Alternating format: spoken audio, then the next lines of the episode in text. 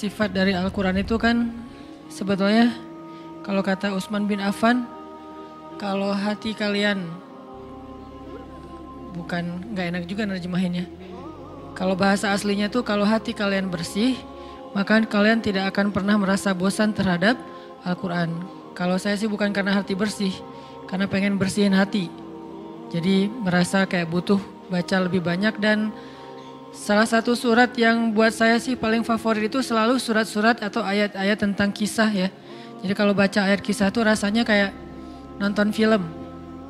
Apalagi kisah para ambia kebayang langsung imajinasi kolosalnya, imajinasi adegan-adegan dramatisnya. Itu langsung kayak nonton film terus kayak menikmati banget alur-alurnya. Nah ini termasuk surat ataupun kisah tentang Nabi Musa alaihissalam. Teman-teman kalau perhatiin kisah Nabi Musa di Al-Quran itu agak acak memang.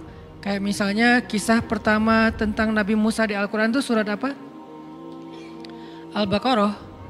Karena di Al-Baqarah itu kan langsung masuk cerita Bani Israel ya setelah cerita tentang Nabi Adam langsung mu Musa Bani Israel dengan Bani Israelnya. Nah, justru di Al-Baqarah itu kisah Bani Israel eh, kisah Musa lebih ke episode ke berapa? Udah bukan di awal-awal itu.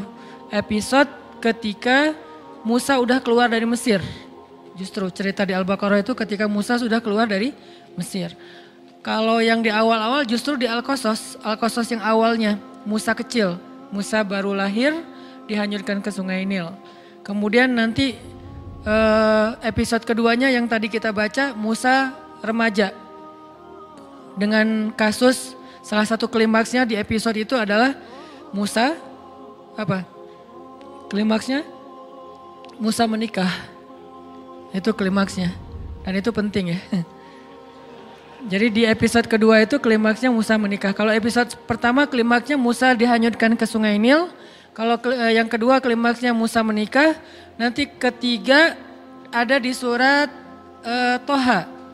Ketika Musa udah nikah dan pengen balik ke Mesir ya. Terus di tengah jalan dapat wahyu untuk berdakwah kepada Firaun. Allah tunjukin beberapa bukti kekuasaan Allah. Klimaksnya adalah ketemu Firaun.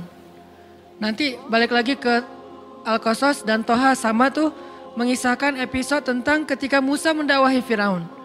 Lalu nanti sampai puncaknya adalah belah laut. Nah, episode berikutnya Musa setelah belah laut, setelah uh, Mesir, yaitu di Palestina yang ada di surat uh, Al-Baqarah. Dan episode berikutnya nanti ada di surat Al-Kahfi. Musa ketika udah kayak selesai semua era-era dakwah dia, sekarang mulai mencari seseorang yang laki-laki soleh pengen belajar sesuatu yang baru lagi dari orang itu. Yaitu Musa dengan adegan Khidirnya. Puncaknya ditinggalkan oleh Nabi Khidir. Jadi adegan-adegan bersama Nabi Khidir. Jadi cerita Nabi Musa itu di Al-Quran sangat banyak. Bisa dibilang Nabi yang di Al-Quran dikisahkan paling banyak selain Rasulullah SAW adalah Musa alaihissalam. Kalau Nabi Muhammad wajar karena Al-Quran diturunkan kepada beliau. Tapi kalau Musa Beliau punya Taurat. Tapi kenapa di Al-Quran kisahnya panjang banget? Saking banyak sekali adegan-adegan yang luar biasa dari kisah Nabi Musa dan inspiring banget buat kita baca. Kalau Yusuf panjang tapi satu surat doang. Kalau Ibrahim banyak surat tapi nggak sepanjang Musa. Kalau Musa itu panjang banget. Kalau Zakaria misalnya ada di dua atau tiga surat eh, nggak terlalu panjang juga lah. Maryam oke, okay, tapi Musa lebih panjang dari mereka semuanya. Dan ini malam ini kita akan coba bedah kisah Nabi Musa alaihissalam di episode sebutlah episode kedua masa Nabi Musa usia remaja. Disebutkan oleh Allah Subhanahu wa taala di ayat berapa tadi teh? 14. Walamma balagha asyuddah wastawa atainahu hukman wa ilma. Ketika Musa sudah berusia asyuddah, usia cukup Berapa usia cukup? Kata sebagian ulama usia cukup itu adalah usia cukup menikah. Usia cukup di sini adalah usia cukup menikah.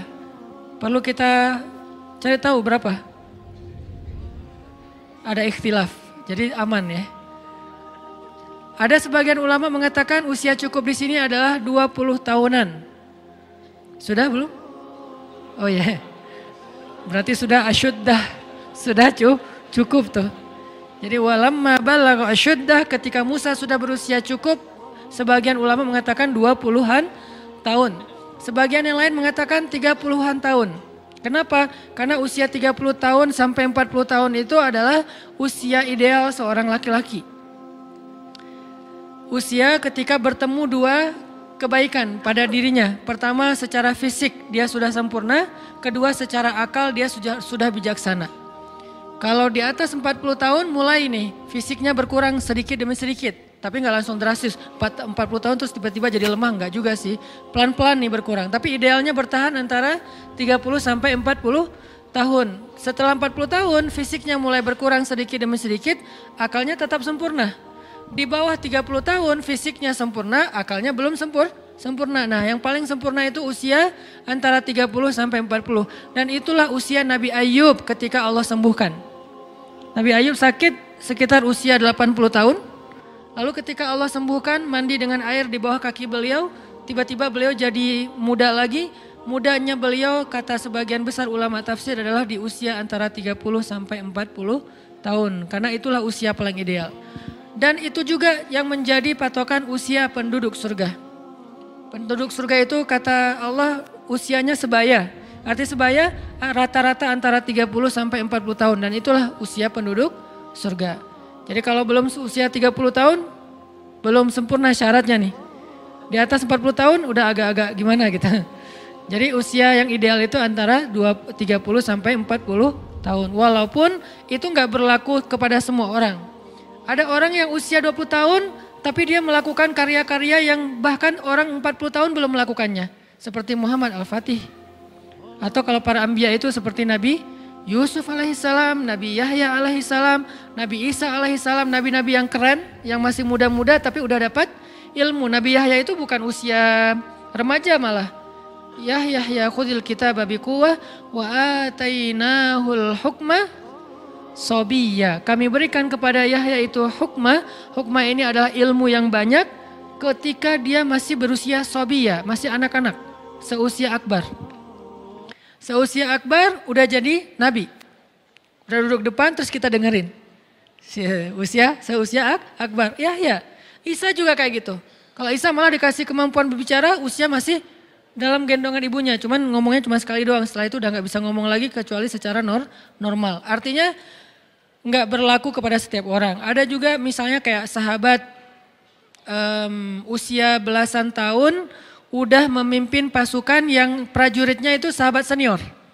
Siapa sahabat ini? Usama bin bukan Laden ya. Usama bin Zaid. Siapa Usama bin Zaid? Anaknya Zaid. Zaid itu siapa? Anak angkatnya roh, Rasul. Walaupun kemudian gak boleh mengatasnamakan Zaid bin Muhammad. Anak angkatnya Nabi. Adegan yang terkenal dari Zaid apa? Pernah menikah dengan Zainab. Lalu bercerai Zainab dinikahi oleh Rasul. Jadi uh, cerita pernikahan Zainab ini agak lumayan dramatis juga antara Zaid dan Rasulullah gitu. Agak lumayan lah ceritanya luar biasa. Jadi anaknya namanya Usama. Usama usia SMP, kalau di kita sekitar 14 tahun, usia SMP udah memimpin sebuah pasukan perang. Dia udah jadi kayak panglima militer. Uh, anggota pasukannya prajuritnya siapa? Umar bin Khattab, Coba. Kelas-kelasnya sahabat awalun yang dijamin masuk surga, yang Rasulullah bermusyawarah dengan mereka. Siapa panglimanya? Usamah bin Zaid. Itu usianya belum asyuddah, tapi secara apa mentalnya, keilmuannya, kebijaksanaannya, bahkan mungkin fisiknya udah sempurna. Artinya angka di dalam Al-Quran dan hadis jangan dijadikan sebagai patokan persis. Sehingga nanti kita kayak mempermasalahkan angka, misalnya 55 kilo. Permasalahan kan enggak, enggak gitu sih. 55 kilo itu adalah gambaran ideal. Orang tergantung dengan berat tubuh. Ada yang berat tubuh dan uh, berat tubuh. Tinggi tubuhnya. Kalau tinggi tertentu 55 jadi enggak ideal. Mungkin idealnya adalah 60. Dengan tinggi tertentu mungkin idealnya adalah 30. Anak kecil misalnya gitu. Jadi kalau 50 55 berarti obesitas buat anak anak kecil misalnya kan ya. Artinya angka 55 di situ itu angka uh, apa moral of the story-nya adalah jaga uh, penampilan, jaga tubuh kita dan itu bukan soal berapa kilonya, tapi soal menariknya di depan suami. Begitu juga tentang cerita seribu, sat, uh, seribu bulan. Al apa? Uh, khairum min al fisyah. Lebih baik daripada seribu bulan. Seribu bulan di sini artinya bukan dihitung seribu bagi dua belas. Berarti delapan puluhan tahun sekian. Enggak kayak gitu bahasa Arab bahasa Arab kaidahnya ketika nyebut angka bisa bermakna persis angka itu juga bisa bermakna kiasan, artinya banyak. Jadi seribu bulan artinya lebih daripada seumur hidup hidup uh, seumur hidup kita karena usia kita kan rata-rata antara 60 sampai 80 tahun ya. Berarti khairu min alfi lebih baik daripada seribu bulan artinya lebih baik daripada kita beribadah seumur hidup kita. Itu maksud dari istilah-istilah angka di Al-Quran, di hadis, dalam uh, budaya bahasa Arab. Jadi kita tahu dulu uh, culture dari budaya itu. Kayak Nabi mengatakan misalnya lebih baik daripada beribadah di Masjid Nabawi 60 tahun. Jangan dihitung 60 tahun persis sekian bulan sekian hari bukan. Artinya seumur hidup kita tinggal di Masjid Nabawi itu masih kalah pahalanya dengan kalau kita berdakwah di uh, di jalan Allah Subhanahu wa taala. Artinya pahala dakwah itu luar biasa. Satu jam saja berdakwah lebih utama daripada beritikaf di Masjid Nabawi di Raudhah selama 60 tahun. Satu jam saja berdakwah. Kenapa? Karena satu jam berdakwah itu ketika yang dengarnya sekian ribu orang, lalu mereka hijrah, sadar, beramal soleh, maka semua pahala amal soleh mereka itu ditransfer untuk orang yang mendakwahi mereka. Satu orang kah Ustaz? Tergantung. Kalau yang berdakwah itu cuma sendiri berarti cuma dapat satu orang. Tapi kalau dakwahnya adalah sebuah jamaah, organisasi, berarti semua dapat sih yang sama. Sebutlah misalnya kayak di Bandung, kalau saya pribadi ada pemuda hijrah. Apakah pemuda hijrah itu hanya Ustaz Hanan? Enggak. Pemuda hijrah itu ada Buni dengan uh, teman-teman uh, di dalam, ada yang MC-nya, ada operatornya, ada admin untuk sosial medianya, ada bagian kreatifnya, ada segala macam IO-nya. Semua yang terlibat dalam dakwah pemuda hijrah lalu orang kemudian mendengar dakwah pemuda hijrah itu sekian juta orang, mereka semuanya mendapatkan pahala yang sama persis bukan dibagi rata. Tidak dibagi rata, dibagi dikasih sama masing-masing. Misalnya sejuta orang jadi uh, berzikir, sebutlah misalnya zikirnya subhanallah wa bihamdi subhanallahil azim. Gitu kan zikirnya? Siapa yang membaca satu kali zikir ini, subhanallah wa bihamdi, subhanallahil azim, maka Allah beratkan timbangannya nanti di akhirat gitu kan ya. Allah beratkan timbangannya di akhirat. Terus Allah nge-like banget. Karena itu kalimat yang Allah paling nge-like. Di antara sekian banyak caption, caption yang pasti di like sama Allah itu subhanallah wa bihamdi, subhanallahil azim. Saya sampaikan nih lewat sebuah crowd event didengar oleh teman-teman yang hadir, didengar oleh teman-teman lewat viewer uh, apa streamingnya, kemudian ditayangin uh, di YouTube, dilihat oleh para viewer yang di YouTube. Sekian juta, sebutlah satu juta orang yang mendengar nasihat ini. Dan ini sederhana untuk diamalkan. Lalu satu juta orang ini mengamalkan subhanallah wa bihamdi, subhanallah lazim. Sekali aja seumur hidup, nggak usah sering. Sekali aja, satu juta orang berarti setiap panitia yang terlibat dalam dakwah ini masing-masing mendapatkan sejuta kali subhanallah wa bihamdi subhanallahil azim. Bukan sejuta bagi sekian panitia, bukan. Masing-masing satu panitia dapat sejuta.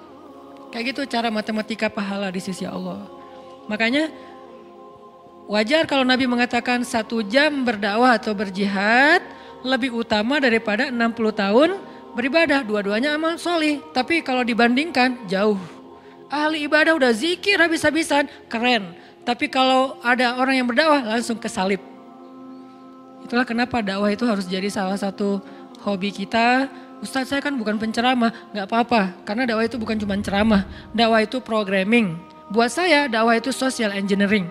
Mengarahkan masyarakat kepada yang lebih baik itulah dakwah. Bisa dengan cara ceramah, bisa dengan programming, bisa dengan konsep, bisa dengan fasilitas, bisa dengan apa pun yang kita miliki. Teman-teman punya potensi apa? Sekedar network, uh, eh uh, saya kenal dengan orang yang bisa support dakwah Ustadz. Misalnya kayak nyadiain uh, tempat gitu untuk acara tablik akbar. Saya kenal orangnya, akhirnya dia kayak yang memediasi. Jadi tablik akbar di situ dia dapat pahala sebanyak orang yang datang ke tempat itu. Padahal dia nggak bayar apa pun, nggak sumbangin apa pun, nggak donasi apa pun, cuma network doang. Yang lain misalnya bentuknya repost di sosial media. Dia nge-repost. Alhamdulillah nih bagus nih boosternya, di repost sama dia maka sebanyak orang yang mendengar nasihat itu lewat repostan dia, dia dapat pahala sebanyak itu. Kalau ini kemudian gara-gara di repost akhirnya ada efek viral karena dia repost, di repost, di repost, di repost kan repost itu jadi nggak ketahan ya, bisa banyak banget kan, nggak kebendung gitu. Maka semua yang repost itu dia dapat pahala tanpa dia sadari, amal jariah ngalir terus menerus kepada dia. Pasif income banget dan itu baru freedom apa? Bukan freedom finansial ya, freedom spiritual. Kenapa freedom spiritual? Dia nggak beramal, tapi pahalanya ngalir kan gitu kan ya. Salah satu tujuan yang paling puncak dari orang mencari uang itu buat supaya dia bisa jalan, bisa main, bisa traveling, bisa ngapa-ngapain, tapi uangnya ngalir terus kan itu udah berarti udah freedom ya, udah berhasil, udah kayak bebas gitu, udah merdeka. Harusnya spiritual juga kayak gitu. Kita sehari-hari orang lihat, ah dia mah biasa aja amalnya. Jangan menjudge. Kita nggak tahu amal orang lain. Allah yang lebih tahu. La tuzaku anfusakum huwa a'lamu bimanitaka. Ada orang yang di kayak di judge kayaknya seolah-olah dia tuh orang biasa aja, amalnya nggak terlalu keren, jidatnya nggak hitam, apa misalnya. Oke, kita respect dengan orang yang jidat hitam tuh menunjukkan dia rajin sujud, tapi maaf, saya tutupin takut ria. Nggak ada juga. takut malu sebetulnya. Jadi kayak Oke lah, saya pasti selalu respect lah sama orang yang cadaran, saya respect sama orang yang pakai sorban, saya respect sama orang yang pakai jubah yang di atas mata kaki, orang yang janggutnya panjang segala macam, respect banget. Tapi jangan sampai kita menjadikan itu sebagai standar baku seolah-olah kalau nggak kayak gitu berarti udah nggak masuk surga. Karena bisa jadi orang nggak terkenal sama sekali, tapi dia kerjaannya ngapain? Repost-repostin uh, apa ceramah aja. Ceramah Ustaz Abdul Somad di repost, ceramah saya di repost, Ustadz Felix, Ustadz Umar Mita, siapa pun, Ustadz Ali Dayat, di repost, repost, repost, dia kayak beramal soleh itu lewat itu. Atau dia bikin apa kayak apps gitu atau apalah untuk ngebantu dakwah para ustadz. Pokoknya dia pengen dakwah ini berkembang. Saya ustadz gak bisa ceramah tapi bisa bisa membuat ceramah ustadz itu viral. Biar beri saya kesempatan. Akhirnya dia bikin. Akhirnya banyak sekali pahala dari yang dia dapatin. Ini namanya dakwah. Balik lagi kepada pembicaraan tadi, angka dalam bahasa Arab tidak selalu persis maknanya angka pers, e, kayak gitu, tapi juga bermakna banyak, bermakna lebih dan seterusnya dan seterusnya. Nah, Musa ketika usianya sekitar 20 atau 30 tahun, tapi saya lebih condong dengan pendapat ulama yang mengatakan 20 tahun. Karena nanti dia masih ada masa men, e, apa e, masa melamar seorang cewek dan bekerja selama 10 tahun, jadi usia 30 tahun, kemudian Musa menikah. Maka Allah berikan kepada dia hukman wa ilma, hukman wa ilma. Apa bedanya hikmah dengan ilmu? Kalau ilmu itu adalah kalau dalam bahasa ayat ini, ayat ini ilmu itu adalah wawasan, pemahaman, ilmu pengetahuan. Kalau hukman kebijaksanaan. Orang yang Allah berikan nubuah biasanya diberikan hukma wa ilma. Sama kayak Nabi Yahya, wa atainahul hukma sabiyya. Kami berikan dia kebijaksanaan. Jadi usia 20 tahun Nabi Musa itu udah bijaksana. Dan puncak dari kebijaksanaan, apa puncak dari kebijaksanaan? Kata Nabi, Rasul hikmah makhafatullah. Puncaknya bijaksana itu adalah takut kepada Allah. Puncaknya. Jadi orang gak disebut bijaksana kalau dia gak takut kepada Allah. Kalau gitu Ustadz kita jadi kayak budak. Emang namanya juga hamba. Hamba itu kan bahasa lain budak kan. Dan sifat dasar dari seorang hamba itu takut kepada tuannya. Dan kalau dia udah takut kepada tuannya, dengan rasa takut itulah dia menjaga diri dari berbuat dosa, mengecewakan, membuat uh, tuannya marah. Dan itulah puncak dari kebijaksanaan. Sehingga kata Allah, min ulama. Sesungguhnya yang takut kepada Allah di antara hambanya adalah orang yang berilmu. Jadi bisa dibilang ciri orang yang berilmu takut kepada Allah. Bukan banyak wawasan, bukan banyak teori, bukan panjang narasinya, bukan bagus dalam penulisan captionnya, tapi dia takut kepada Allah. Ketika dia mau bikin dosa, takut kepada Allah. Ketika dia mau nyakitin orang lain, takut kepada Allah. Ketika dia mau bohong, takut kepada Allah. Ketika dia mau curang, takut kepada Allah. Bisa jadi dia wawasannya nggak terlalu banyak, tapi ilmunya sampai kepada puncak hikmah. Tanya sama diri kita masing-masing Apakah yang kita pelajari setiap Rabu malam atau di taklim-taklim yang lain udah bikin kita takut sama Allah belum? Atau itu sekedar kayak wawasan doang gitu. Oh ya, gue udah tahu. Oh ya, baru tahu. Oh ya, lucu juga ya. Oh ya, uh, seru ya. Oh ya, ini mungkin mungkin baru sekedar wawasan dan entertain. Kita pengen nyari ilmu yang bikin kita takut sama Allah.